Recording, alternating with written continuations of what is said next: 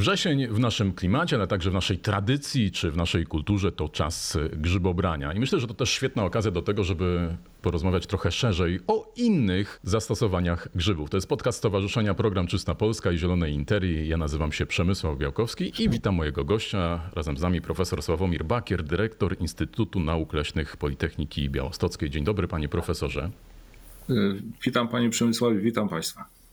Panie profesorze, dla e, większości z nas wizyta w lesie, zbieranie grzybów to jest e, przyjemność. Dla pana to jest też praca. Jedno i drugie, czy może jednak bardziej praca? Jak pan to oddziela?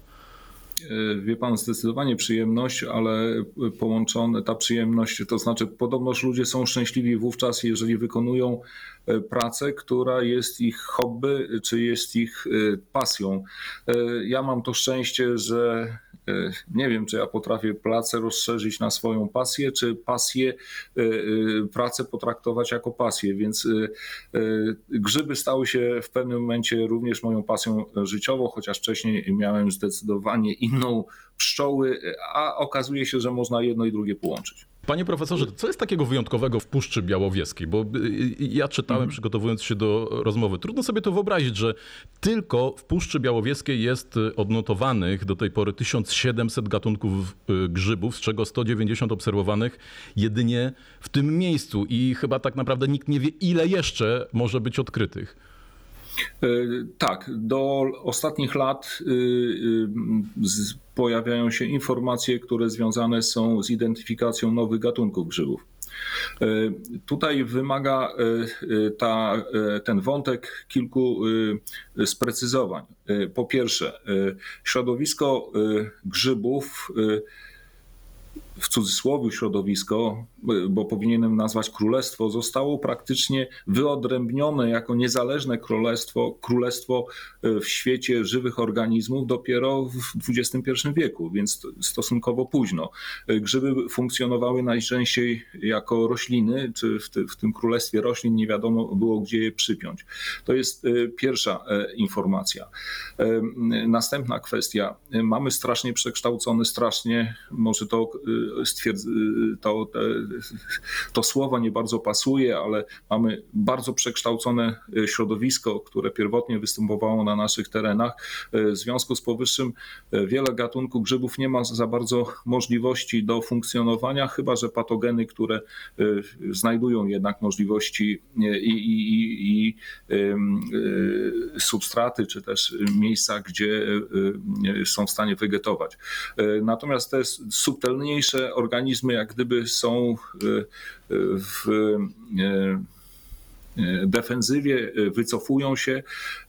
Puszcza Białowieska jest szczególnym miejscem pod tym względem, ze względu na fakt, że po pierwsze jest tam ciągłość od tysięcy lat, szacuje się, że od 11 tysięcy lat szaty roślinnej, która jest stosunkowo stabilna, aczkolwiek tam też zdarzają się różnego rodzaju e, przemiany.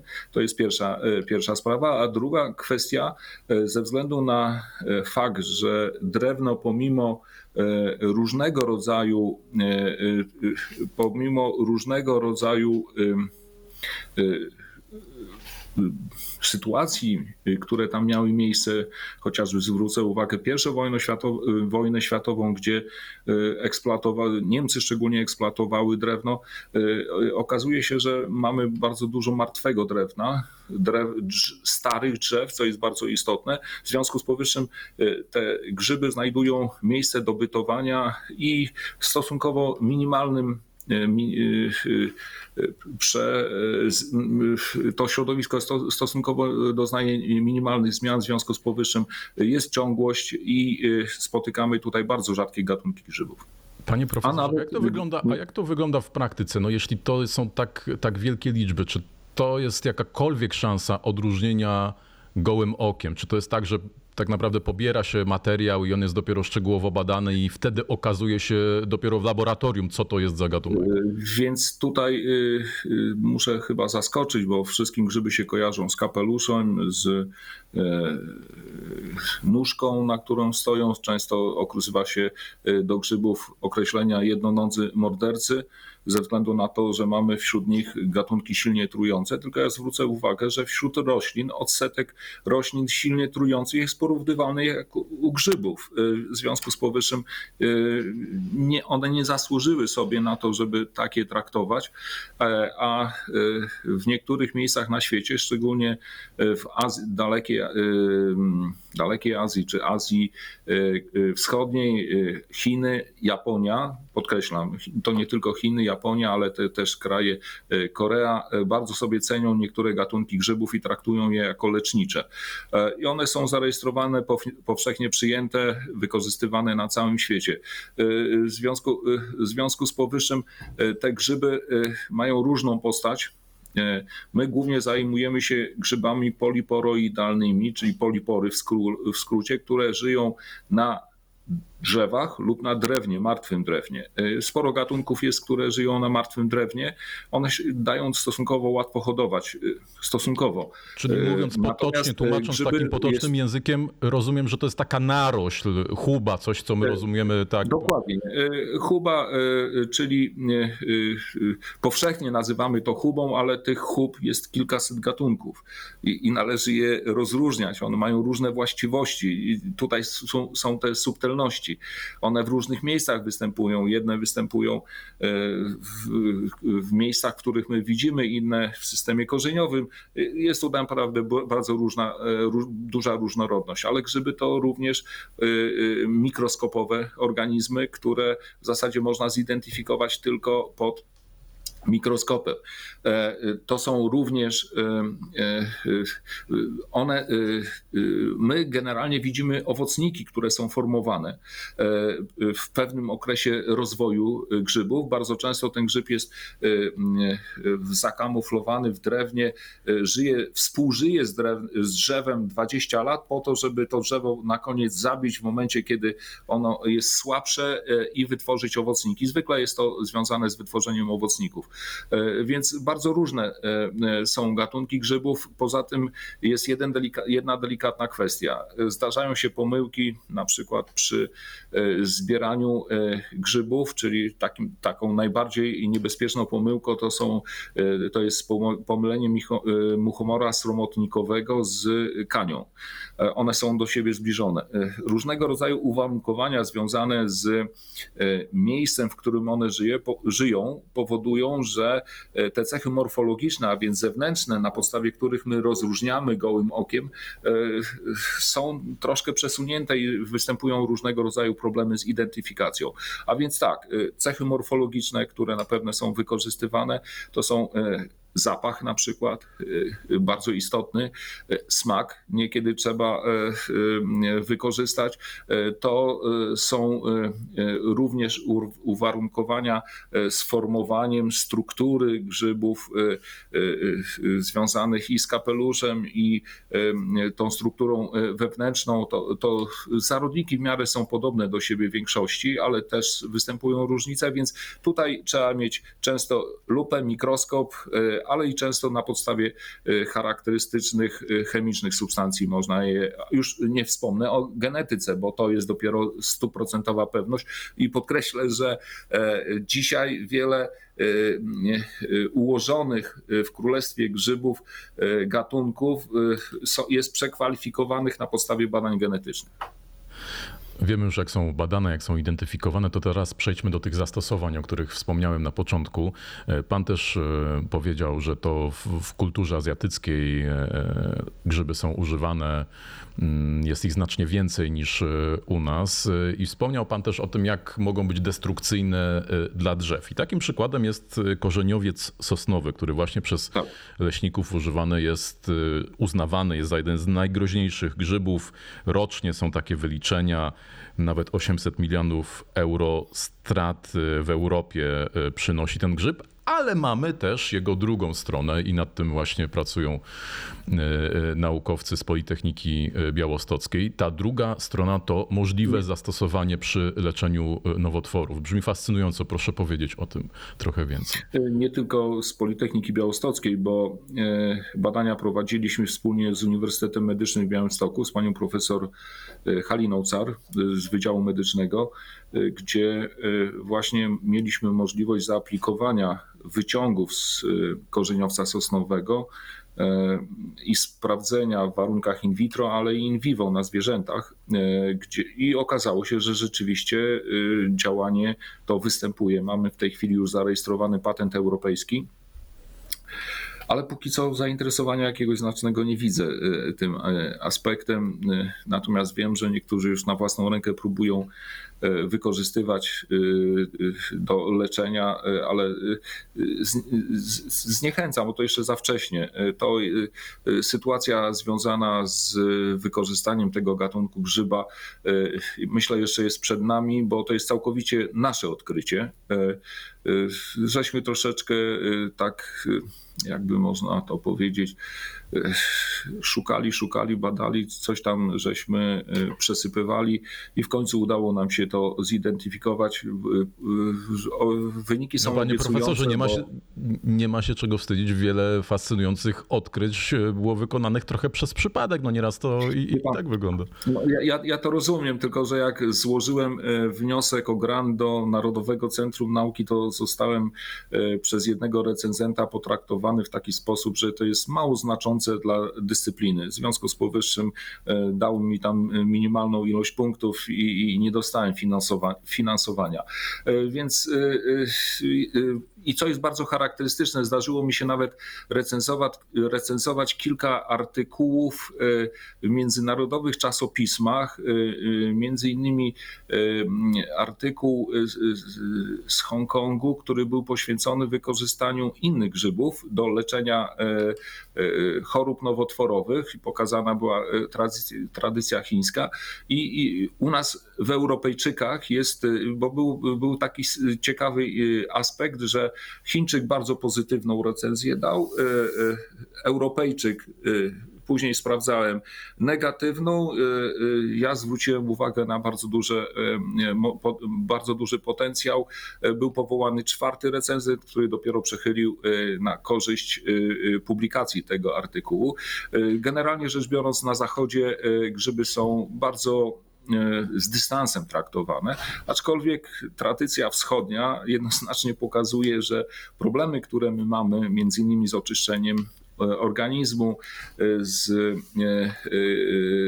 działaniem prozdrowotnym, z kwestiami związanymi z, z podniesieniem siły witalnej pokazują, że te grzyby, y, y, które są w tradycji chińskiej, japońskiej, y, mają ogromny potencjał i Chińczycy dzisiaj są ogromnym eksporterem również grzybów do krajów Europy, ale i również do Stanów Zjednoczonych i na skalę masową te grzyby medyczne. Zwracam uwagę, że my, one nie funkcjonują u nas w systemie prawnym jako grzyby, grupa grzybów zdrowotnych u nas nie ma. U nas są grzyby jadalne i e, w ubiegłym roku, przepraszam, w ubiegłym 20 roku z panią profesor e, Bożeną Muszyńską z Uniwersytetu Jagiellońskiego wnioskowaliśmy do ministra zdrowia o to, żeby e, wprowadzić grupę grzybów medycznych. Niestety.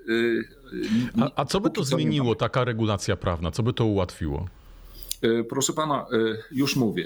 E, zdarzały się sytuacje, że na przykład w sieciach marketów zagranicznych można było kupić grzyby, które u nas nie były zarejestrowane. W związku z powyższym nasi producenci, którzy próbowali to, ten grzyb wprowadzać w obieg, byli dyskredytowani tym, że nie mają podstaw prawnych, czy robią to bezprawnie.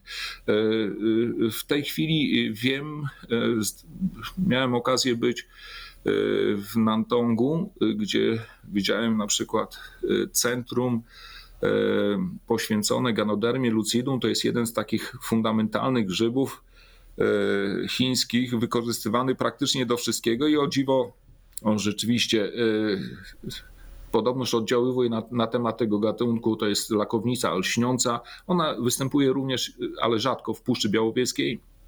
E, z nazwa z łaciny Ganoderma lucidum Y, tam jest wręcz mauzoleum całe poświęcone, potężny budynek historii wykorzystania tego grzyba, który sięga kilku tysięcy lat wstecz.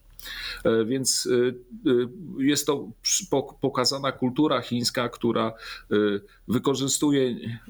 My jesteśmy przez ziołolecznictwo, u nas kojarzy się z tym, że my wykorzystujemy rośliny, ale grzyby charakteryzują się jeszcze bardziej substancjami, które są w stanie między innymi wykorzystywać, y, y, y, uruchamiać pewne procesy w naszym organizmie, uaktywniać, uaktywniać ten organizm, zabezpieczać przed chorobami. Ale niestety i są takie, które trujące są.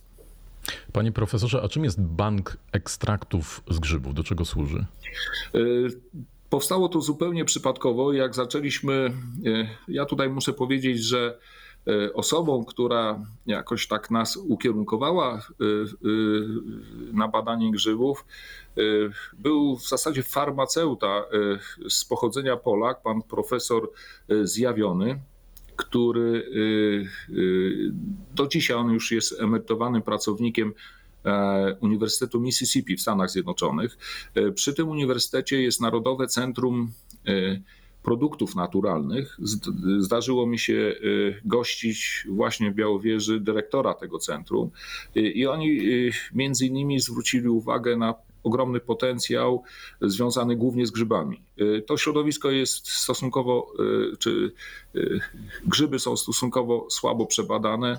Y, są specyficznymi organizmami. Y, zwraca się uwagę, że dzisiaj największy żyjący organizm to jest właśnie grzyb. To jest opieńka, która y, w lasach sekwojowych w Stanach Zjednoczonych rośnie i oceniono jej masę grzybni, bo grzyb, to co my widzimy, to jest tylko owocnik, natomiast cała masa, organizm żywy to jest grzybnia, która jest niewidoczna pod ziemią, y, oszacowano jej masy na kilka tysięcy ton, więc y, to robi wrażenie i to jest jeden organizm, bo próbowano tam między innymi e, elektrycznie razić niektóre miejsca i okazało się, że organizm reagował. To, to jest tylko przykład, więc ja, ja miałem takiego zewnętrznego, jak gdyby recenzenta, który najpierw wskazał, zachęcił, i, i, później zaczęliśmy już sami to robić. E, e, troszkę współpracowaliśmy. E, okazało się, że rzeczywiście potencjał jest olbrzymi.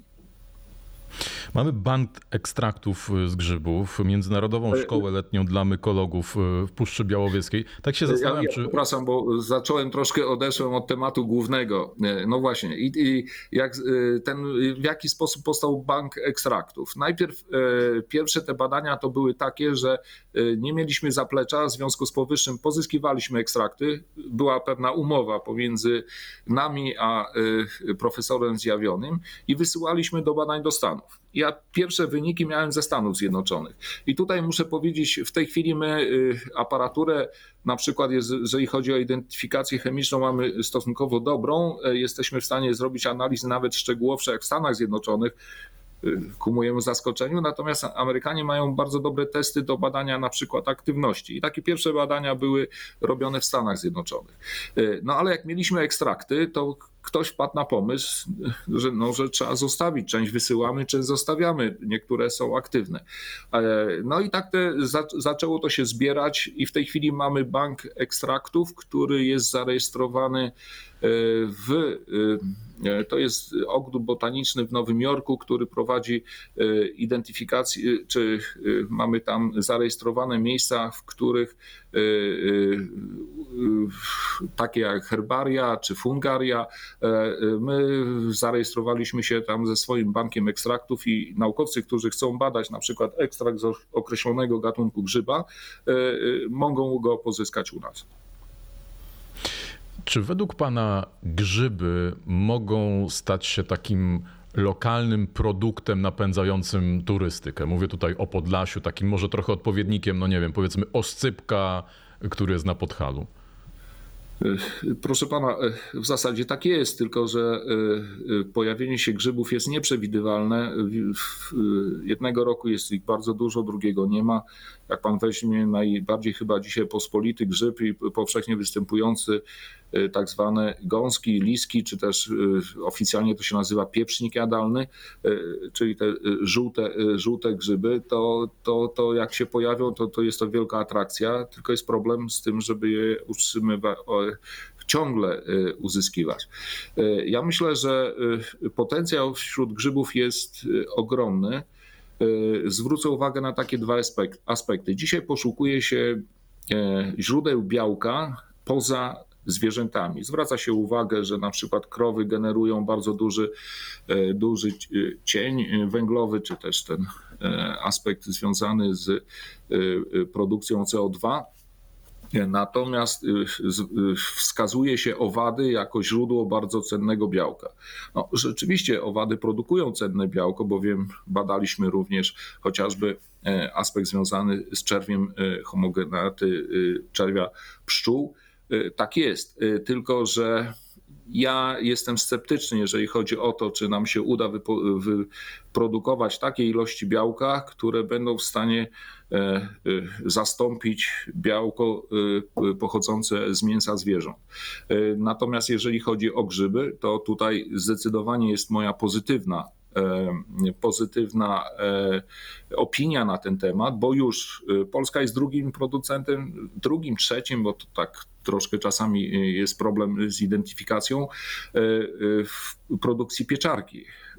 Dlatego u nas pieczarka zwykle gdzieś tam około 4-5 zł, nie wiem ile teraz kosztuje, ale jest to grzyb również rewitalizujący, który, który wzmacnia organizm. Mało tego, jak zacząłem się zajmować grzyby, to zacząłem pieczarki jeść na surowo i razem ze skórką. Polecam Państwu, bo są bardzo smaczne, wystarczy posolić i rzeczywiście nasz organizm bardzo dobrze reaguje. No oczywiście nie można tego zjeść kilogram, bo może, może być za dużo chyba że są osoby, które kiepsko y, w, y, tutaj struktura komórkowa grzybni jest taka, że nie wszystkie substancje są łatwo wchłaniane, niektóre osoby są uczulone. Y, to trzeba, y, y, trzeba sprawdzić po prostu. A czy są jeszcze, Ale... panie profesorze, a czy są jeszcze inne gatunki oprócz no, znanych nam doskonale pieczarek, które no, mogłyby w tak ogromnych ilościach właśnie dostarczać nam Oczywiście. Pieczarki wcale nie są na świecie uprawianym na pierwszym miejscu w uprawie, one chyba są na drugim w tej chwili. Najbardziej znanym grzybem spożywczym jest twardziak japoński. On jest nazywany również w Stanach Zjednoczonych shiitake. E, e, łacina, ja, ja, nie jestem z wykształcenia botanikiem, jest to Lantinula edodes, e, powszechnie występujący, u nas też można kupić, aczkolwiek te owocniki, które widziałem u nas nie były najładniej wykształcone, ale w marketach są sprzedawane. A więc shiitake jest sprzedawany również na terenie naszego kraju, jest to grzyb, który jest również zaliczany do grzybów rewitalizujących, zawiera duże ilości białka, tylko jest problem w strukturze komórkowej grzybów, jest hityna i ona troszeczkę, ale jest to i plus i minus. Jeżeli nasz organizm toleruje, y, no byle za dużo tego nie wprowadzić, to y, to jest taki wypełniacz, który też powoduje obniżenie wartości energetycznej y, naszej żywności, więc szybciej jesteśmy nasyceni. To jest dosyć charakterystyczne. To jest główne, te dwa gatunki takie podstawowe, ale mamy również pieczarkę pieczarkę e, e, blazei. Ona jest chyba nazywana również różową czy brązową. Mamy bardzo ciekawy grzyb, który związany jest z, z ciekawą strukturą jest to soplówka jeżowata, jest to e, Hericum e, e, erinaceum, chyba z łaciny dobrze to powiedziałem.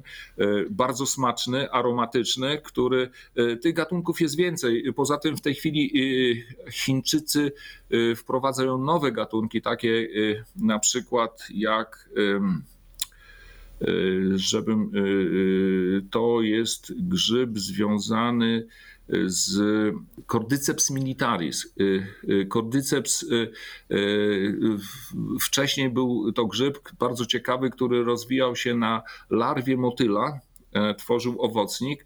W tej chwili oni opanowali technologię produkcji w warunkach sztucznych i jest praktycznie ogólnie dostępny. Więc Przypomina swoją masą trochę piecznika jadalnego, może delikatnie inny smak, również na surowo można go y, y, konsumować. Y, więc przepraszam, ja troszeczkę tak z opóźnieniem te nazwy, bo one nie są takie Jasne, proste, muszę w pamięci odszukać, ale naprawdę ten świat grzybów jest niesamowity. E, to, to, chciałbym, żebyśmy jeszcze e, e, poruszyli jedną kwestię, bo było o tych zastosowaniach, zaczęliśmy od medycyny, teraz mówiliśmy o, o grzybach jako o pożywieniu. Natomiast jakie jeszcze... Tak. tak, o żywności. Ja jeszcze przeczytałem też, przygotowując się do rozmowy, coś, o czym zupełnie nie zdawałem sobie sprawy, że grzyby mogą być stosowane na przykład w budownictwie również. Jakie to są jeszcze, jeszcze przykłady zastosowań? Takie zupełnie nieoczywiste, o których nie, nie, nie myślimy, nie znając tematu. Wie pan, co jeżeli chodzi o y, budownictwo, niewykluczone, bo grzybnia przerasta. Podam przykład, jeżeli chcemy mieć odcień zielony sosnowej błazerii to, czy lipowej, to trzeba ją przechowywać w takich warunkach, żeby ten grzyb, który daje ten zielony odcień się rozwinął i już mamy. Ale trudno mi tym zagadnieniem się nie zajmowałem. Też czytałem, że są takie y, y, subtelności związane między innymi z budową y, materiałów ceramicznych, które zawierają grzybnie.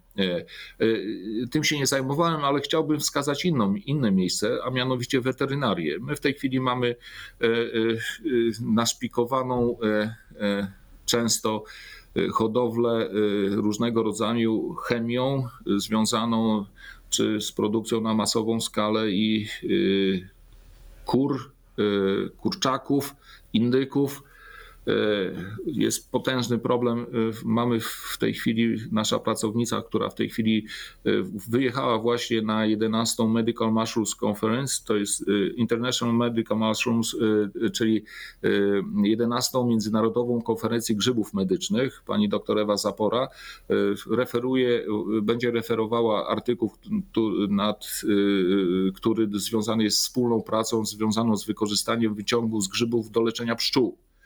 E, zgnilca złośliwego, jedno z naj, jednej z najbardziej zaraźliwej choroby, która jest w ogóle znana e, ludzkości, bo tam kilka zarodników jest w stanie zabić nawet larwę pszczelą.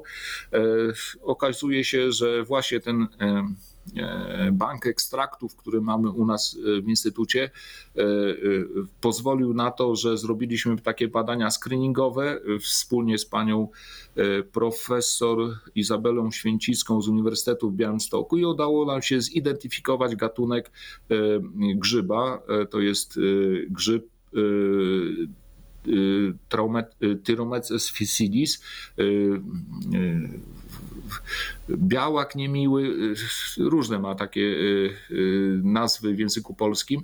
Nie jest to grzyb powszechnie występujący, ale ma silne właściwości, silniejsze od antybiotyków, związane z oddziaływaniem na bakterie zgnięcia złośliwego. Próbujemy go hodować. To przykład weterynarii. W tej chwili na coraz większą skalę wykorzystuje się właśnie w produkcji, aha, przepraszam, zaczynam, nie kończę. Ten aspekt związanym z wykorzystaniem właśnie ekstratów grzybowych do leczenia zapalenia wymion e, u krów e, e, bydła domowego, bo jest to poważne schorzenie, które jest bardzo kłopotliwe. Jednym z e, takich podstawowych e, mikroorganizmów tam e, występujących jest Staphylococcus aureus, czyli gonkowiec złocisty, który jest bardzo dokuczliwy w leczeniu, problematycznym w leczeniu. Okazuje się, że też są wyciągi, które sprawiają, że jest to możliwe. Także weterynaria również. Y, następny e, e, aspekt jest taki, że te grzyby po prostu muszą być w naszym środowisku, bo one tworzą pewien bufor, y, tworzą, y, są to organizmy, które przywracają jak gdyby tą materię organiczną do produkcji ponownie, więc cała ściółka leśna związana jest z grzybami. Dlatego między innymi zajmujemy się tym przy okazji badań nauk leśnych. To takie źródł, y, czy takie y, uboczne, niektórzy nazywają to uboczne wykorzystanie lasu, ale myślę, że to jest środowisko dosyć szczególne, bo ono jest w tej chwili minimalnie skażone. To jeszcze na koniec jedna kwestia. Zaczęliśmy od tego takiego tradycyjnego e, chodzenia do lasu, zbierania grzybów, czyli czegoś, co, co, co robi pewnie większość z mhm. nas.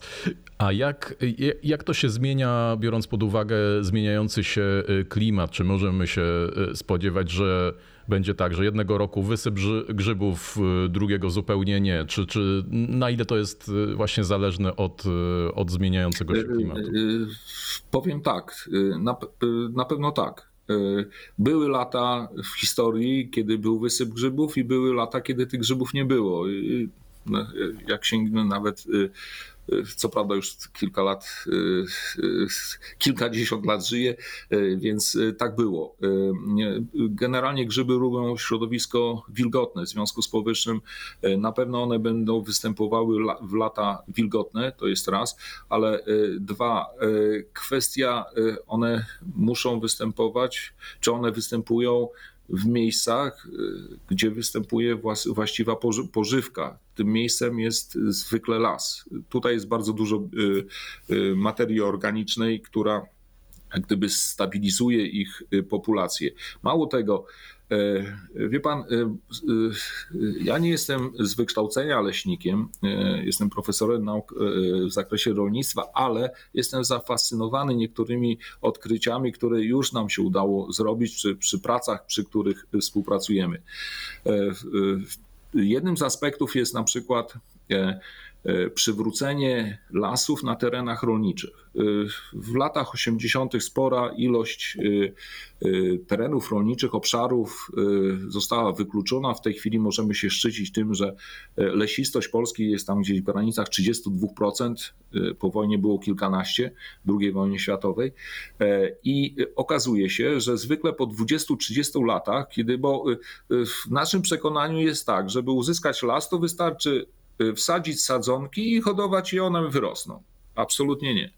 W tej chwili, szczególnie jeżeli to chodzi o odmiany monokultury. E, e, leśnicy odchodzą od monokultur, odchodzą też od masowego, masowej ścinki lasu, zrębów zupełnych.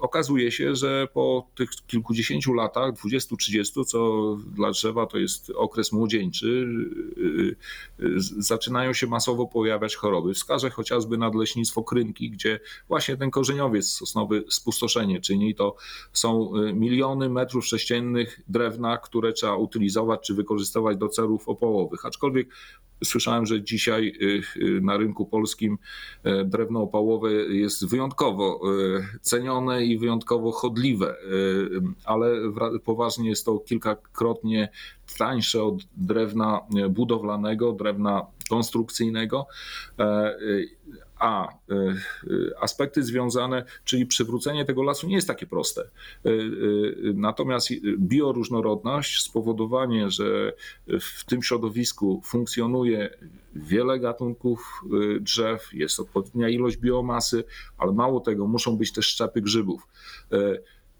Miałem okazję spotkać się z leśnikami z Kirgizji, z Kazachstanu. Oni tam mają problem z wylesieniem, e, próbują przywrócić, szczególnie w Kazachstanie okazuje się, że niektóre tereny są nie do przywrócenia. To samo chociażby w Brazylii, tam lasy tropikalne, to nie jest tak, że już jak soje przestanie się uprawiać, bo te tereny są wyjałowione, żeby je przywrócić do, do, ponownie do leśnictwa, czy posadzić lasy, naprawdę trzeba wykonać pracę, która związana jest i z przywróceniem tej tej mikroflory klabowej, y, grzybowej, która normalnie funkcjonuje, a y, y, naprawdę nie znamy jeszcze różnego rodzaju systemu powiązań. Tutaj